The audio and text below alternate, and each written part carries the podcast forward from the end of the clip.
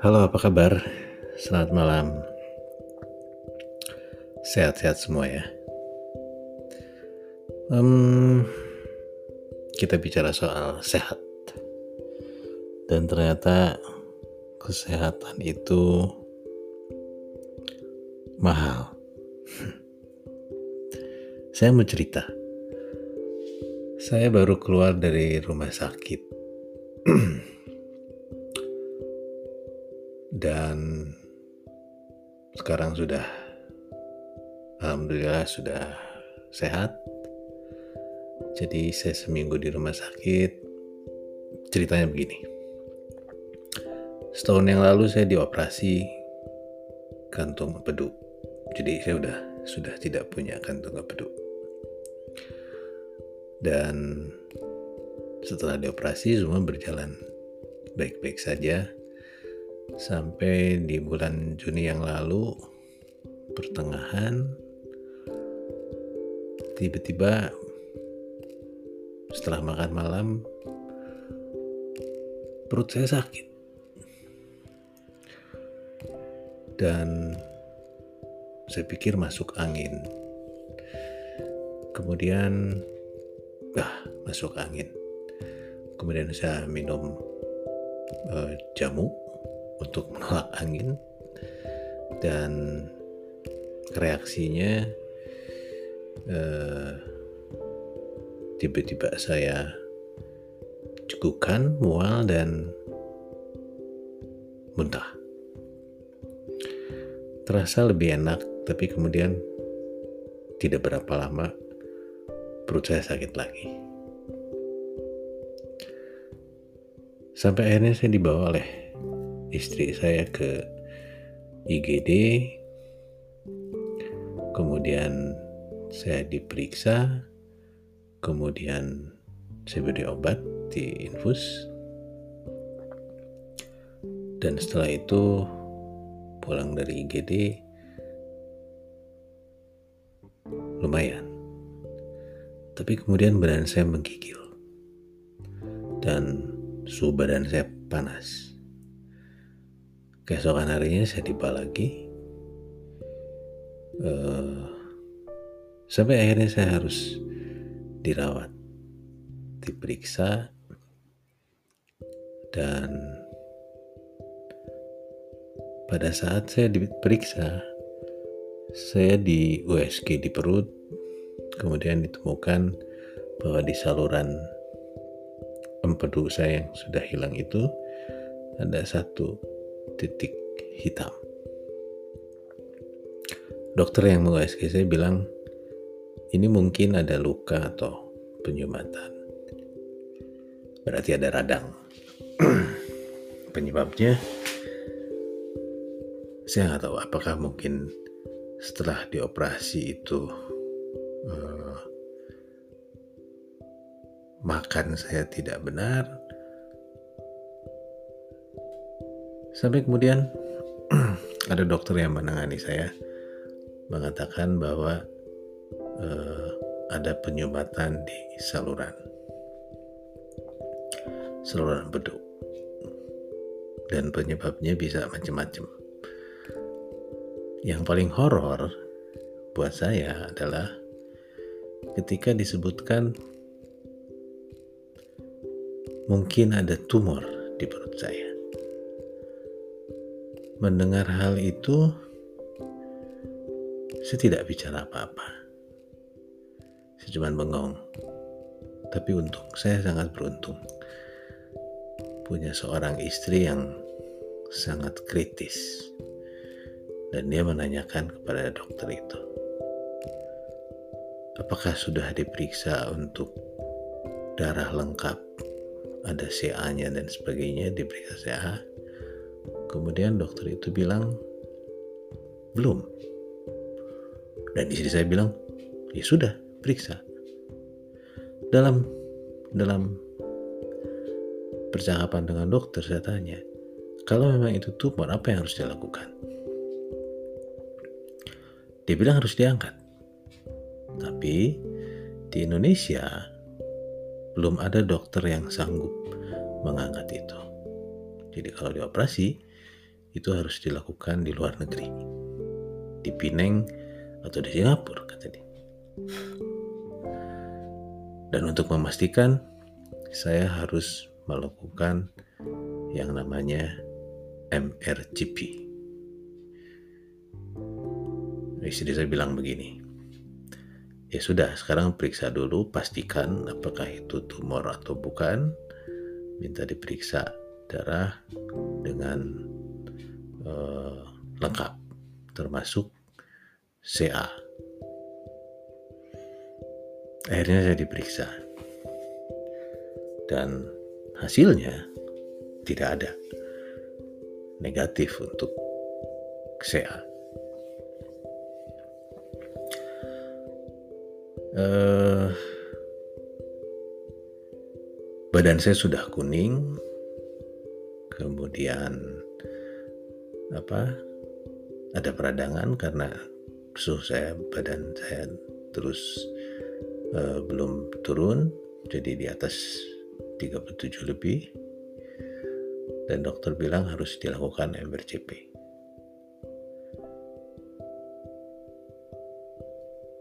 untuk memastikan. Sementara MRCP itu adalah dimasukkan cairan yang namanya kontras untuk melihat bahwa saluran uh, empedu yang ada di badan saya itu uh, apakah ada penyumbatan atau tidak. Sementara cairan kontras ini bisa punya dampak. Dampaknya adalah kalau memang tidak kuat, dia akan berdampak pada uh, gangguan pada ginjal saya.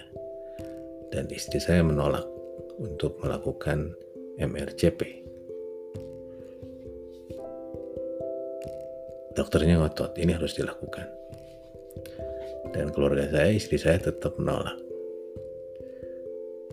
Di luar negeri, kontras tidak dipakai kepada pasien yang usianya di atas 50 karena dampaknya adalah akan ada kerusakan ginjal. Nah, dari diagnosis itu si dokter yang merawat saya dia bilang dengan tenang kalau sampai terjadi ada uh, gangguan pada ginjal ya gampang cuci darah saja. Lah, loh kok bisa se segampang itu gitu loh. Sementara saya tidak punya masalah dengan ginjal.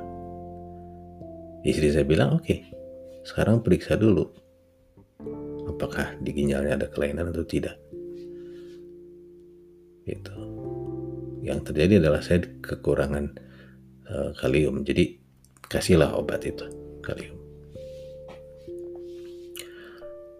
Dan ternyata memang sejalan dengan usia, setiap orang pasti ada penurunan fungsi ginjalnya.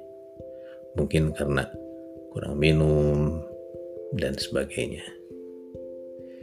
Setelah diperiksa, ginjal saya tidak ada masalah. Tapi pada saat disebutkan bahwa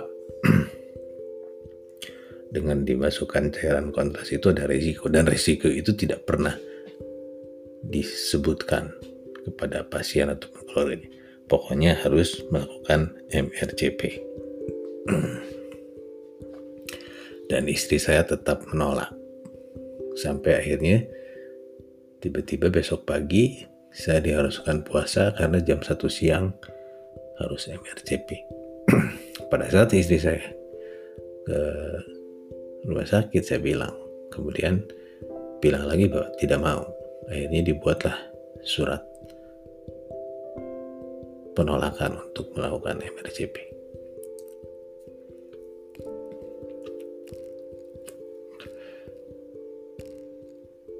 Saya selalu dikasih infus antibiotik, kemudian obat untuk uh, menaikkan kalium, kalsium atau kalium saya lupa.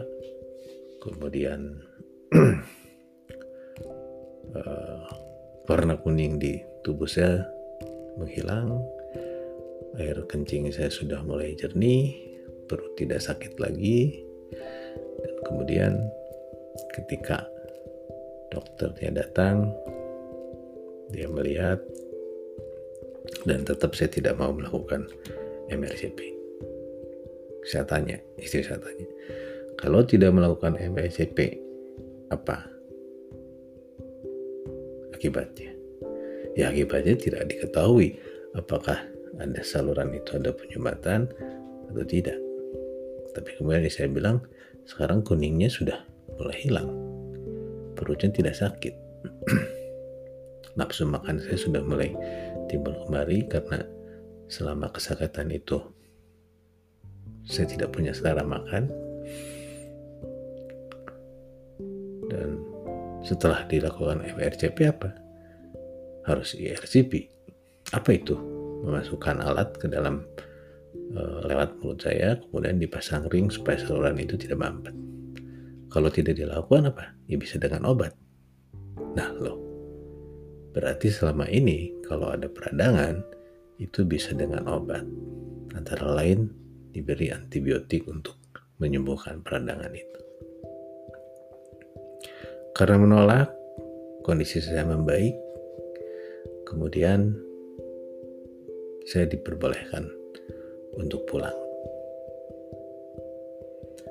Dan ternyata pada saat saya ngecek atau istri saya ngecek, waktu istri saya cek berapa biaya untuk melakukan MRCP. Kalau saya melakukan MRCP, ternyata biayanya cukup mahal untuk saya buat kami itu hampir di atas 10 juta rupiah. Akhirnya saya berpikir, kenapa dokter itu kok ngotot banget untuk melakukan MRCP? Kalau peradangan yang terjadi di saluran empedu saya itu bisa dengan obat dengan antibiotik. Jadi itulah sebuah pengalaman ketika saya sakit. Satu hal,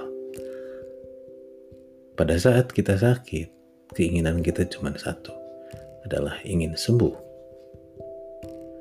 Dan yang berperan di sini adalah harus keluarga, istri, ya pasangan kita yang harus kritis.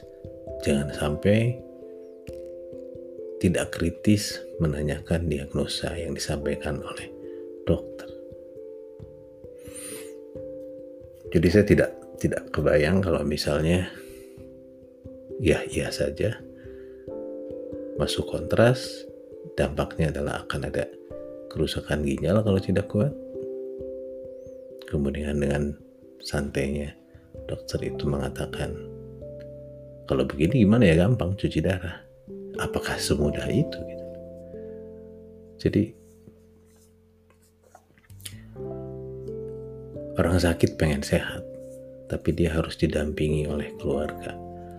Keluarga harus cerdas, harus kritis, harus cerewet, menanyakan kalau dikasih obat obat apa ini? Kalau obatnya mahal tanya ada generiknya apa dampaknya? Atau kalau misalnya sekarang gampang kita tinggal googling. Jadi jangan jangan percaya apa yang dikatakan oleh dokter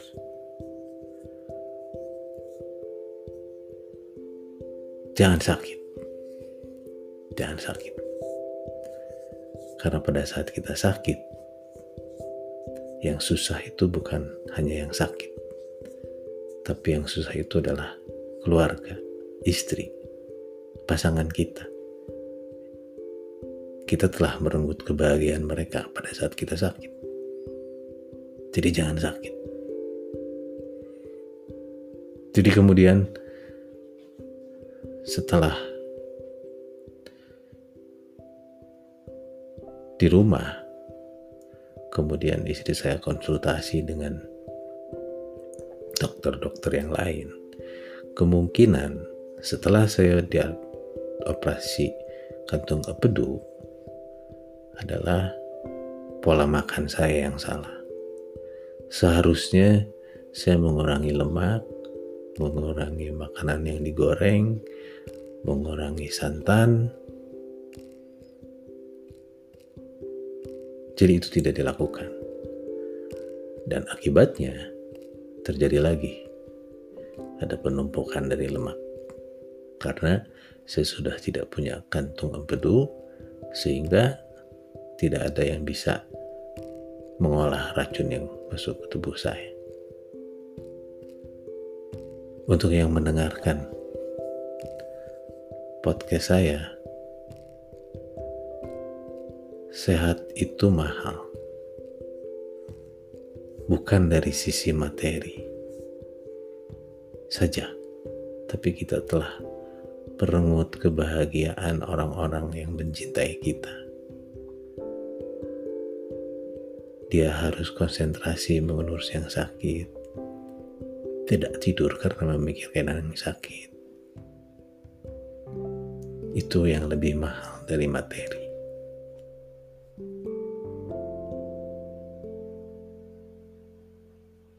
Dan satu hal, kita harus kritis kepada tenaga medis, orang-orang yang merawat, orang dokter. Jangan percaya 100% apa yang dia omongin. Orang sakit kayaknya cuma satu, ingin sehat. Tapi jangan salah. Kesehatan itu adalah bisnis juga.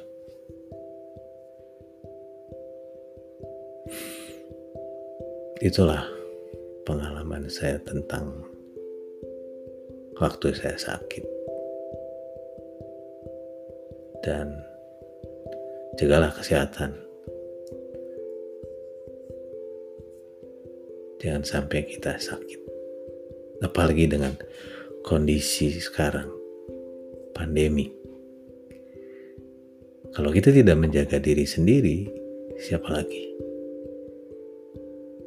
Ikuti protokol kesehatan. Karena tidak ada, kita tidak bisa mengandalkan orang lain. kita harus menjaga diri sendiri, keluarga sendiri. Terima kasih, selamat malam kepada teman-teman yang sudah mendengarkan cerita saya, pengalaman saya. Dan pengalaman saya ini bukan untuk untuk menyudutkan siapa pun, tidak. Hanya sebuah pengalaman yang ingin saya bagi kritislah kepada orang yang merawat kita saat kita sakit. Kita harus punya keluarga, harus punya pasangan yang mau bersifat kritis, yang cerewet. Biarin dibilang cerewet. Karena itu untuk kebaikan kita. Kebaikan keluarga kita. Terima kasih dan nanti saya sambung lagi dengan catatan saya tentang hal-hal yang lain. Selamat malam.